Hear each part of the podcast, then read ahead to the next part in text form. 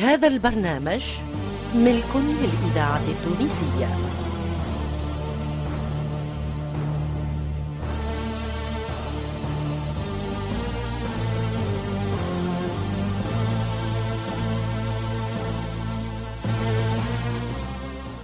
الفرقة التمثيلية للإذاعة التونسية تقدم الموريسكية. تأليف حسنين بن عمو.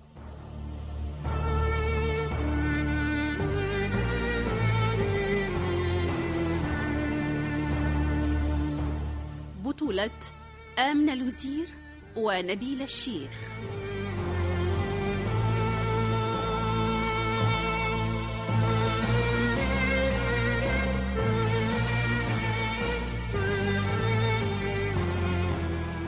الموريسكية مسلسل من إخراج محمد المختار لوزير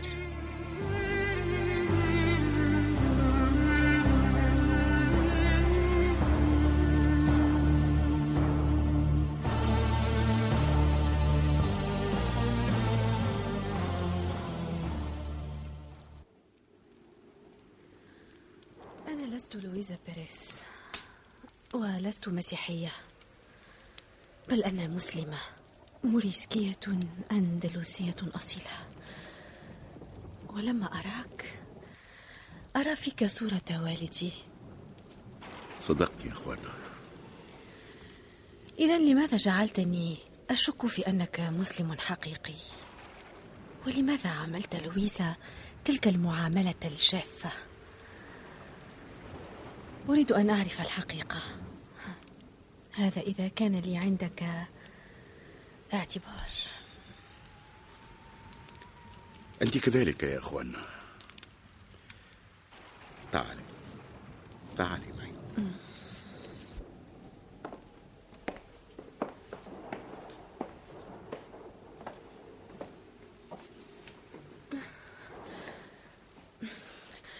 هذه خزانة كتب يا سيدي. نعم خزانة كتب. لم أفهم.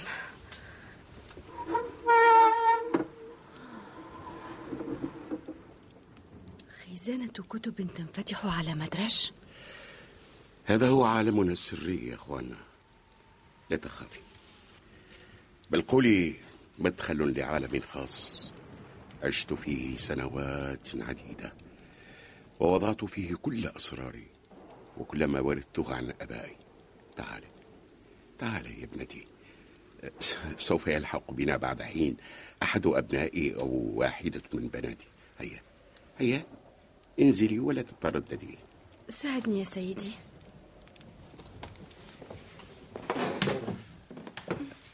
حاذري من الدرجات.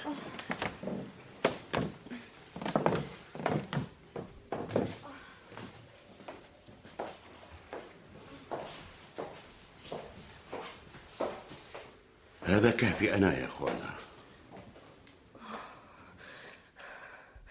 وهل زار غيري هذا الكهف؟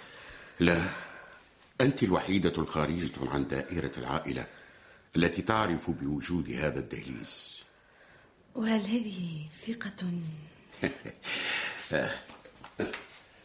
خذي هذه الشمعة. ريثما أشعل القناديل.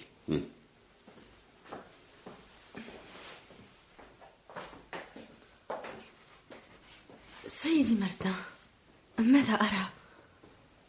كتب مرصفة بعناية على رفوف لماعة وخزائن صغيرة وزربية على سعة المكان ومتكئات ملونة ومرآة كبيرة وطويلة عليها أوراق وأدوات الكتابة هل تعمل هنا يا سينيور مارتان؟ نعم يا ابنتي أعمل هنا فهذه دنياي التي أهرب إليها كلما ضاقت بي الحياة من فوق. أهرب إلى هذه الكتب لأقضي في بعض الأحيان يومين كاملين دون أن يتفطن إلي أحد من أهل الدار. أخوانا افتحي كتابا منها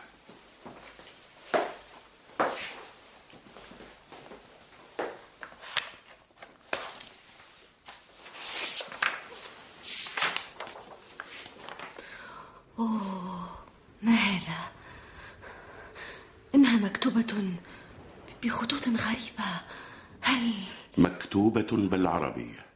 بالعربية؟ يعني؟ يعني أني أقرأ وأتكلم العربية. وما دمت قد أدركت بعض الحقيقة. فقد آن الأوان لكي تعرف اسمي.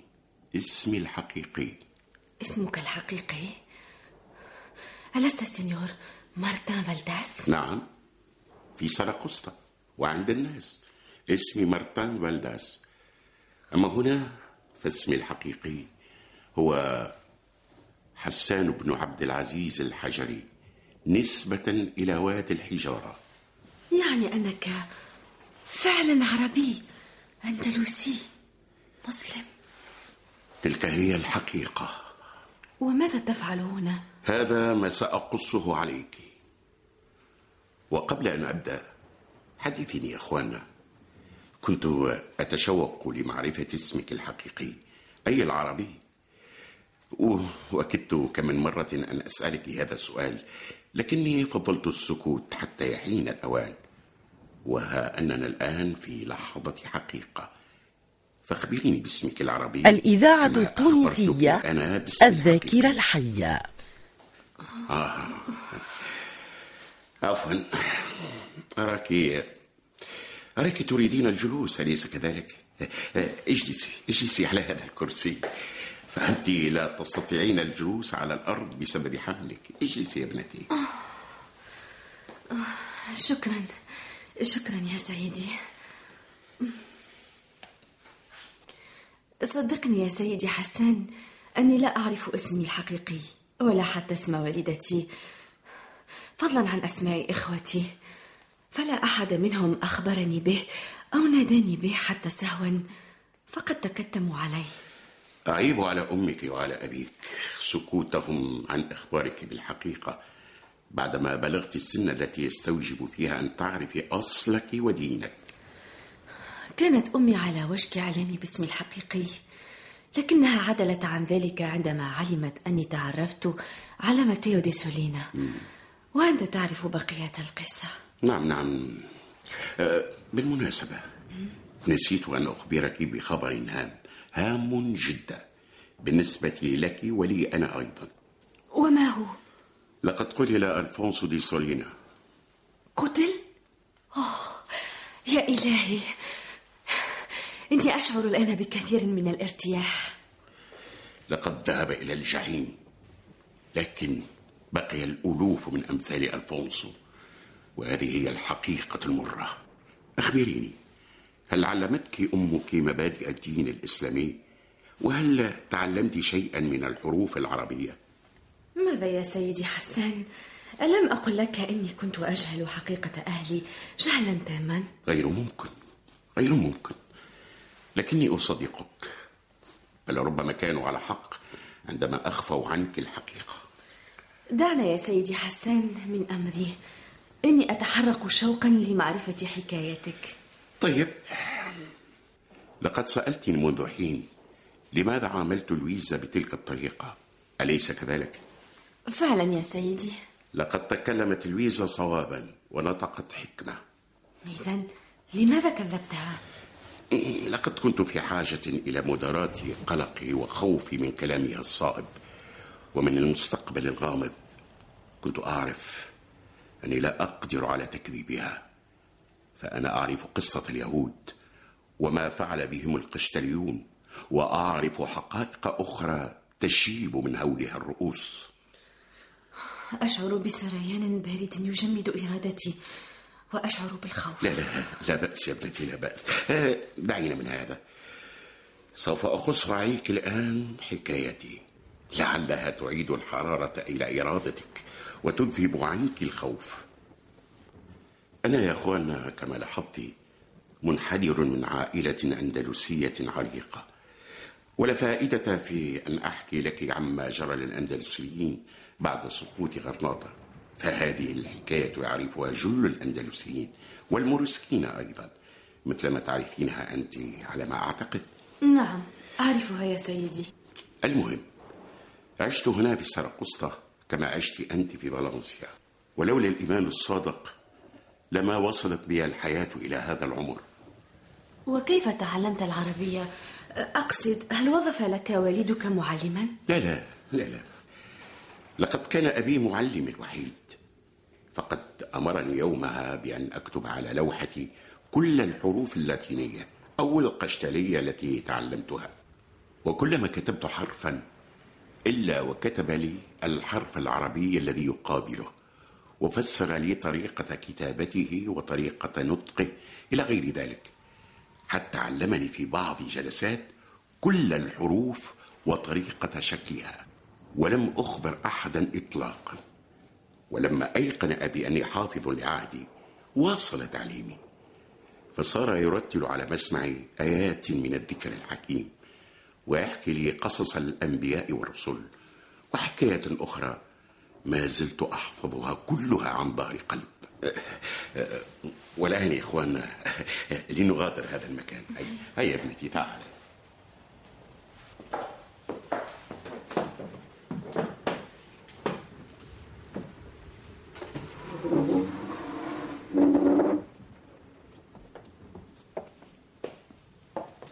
ها أنك عرفت الآن سري يا أخوانا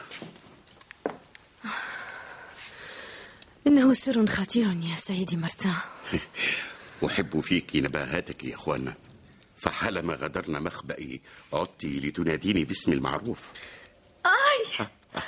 ما, ما, ما بك يا أخوانا هل, هل تحسين بالألم يا ابنتي؟ يبدو يا سيدي أن الليلة ستكون طويلة وعسيرة علي. آه. بدأت أشعر بألم الوضع. لا- لا- لابد أن أنادي جستينا والبنات. لا بأس لا بأس. ليس هذا وقته. أترغبين في العشاء معي؟ هل ما زلت تخفي أسرارا يا سيدي؟ في الحقيقة ليس سرا وإنما قرار. قرار؟ ما هو؟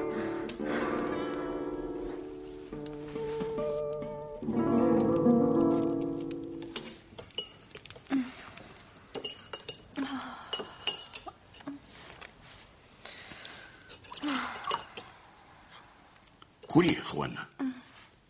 كلي. إنه حساء ساخن ولذيذ. وهل تذهب آلام الوضع بالحساء يا سيدي؟ لا أدري يا ابنتي لا أدري. هل ستفضي لي بقرارك؟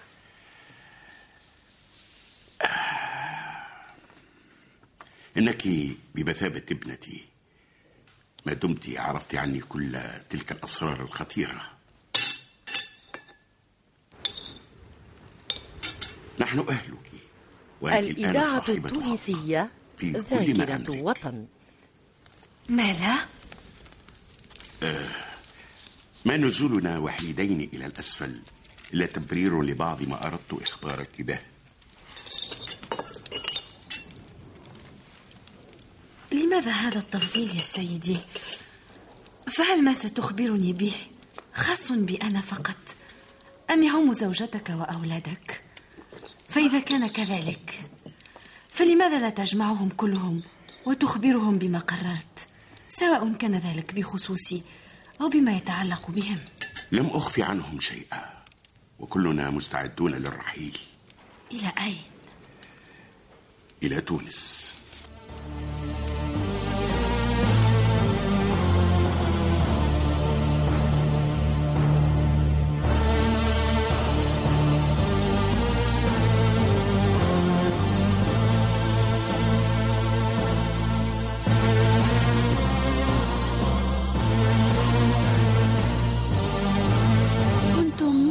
الحلقة الثالثة والأربعين من مسلسل الموريسكية. تأليف حسنين بن عمو. تمثيل صالح الرحموني. الهندسة الصوتية صالح السفاري. توظيب الإنتاج حسون ناجي. ساعد في الإخراج عماد الوسلاتي. الموريسكية مسلسل من إخراج محمد المختار لوزير.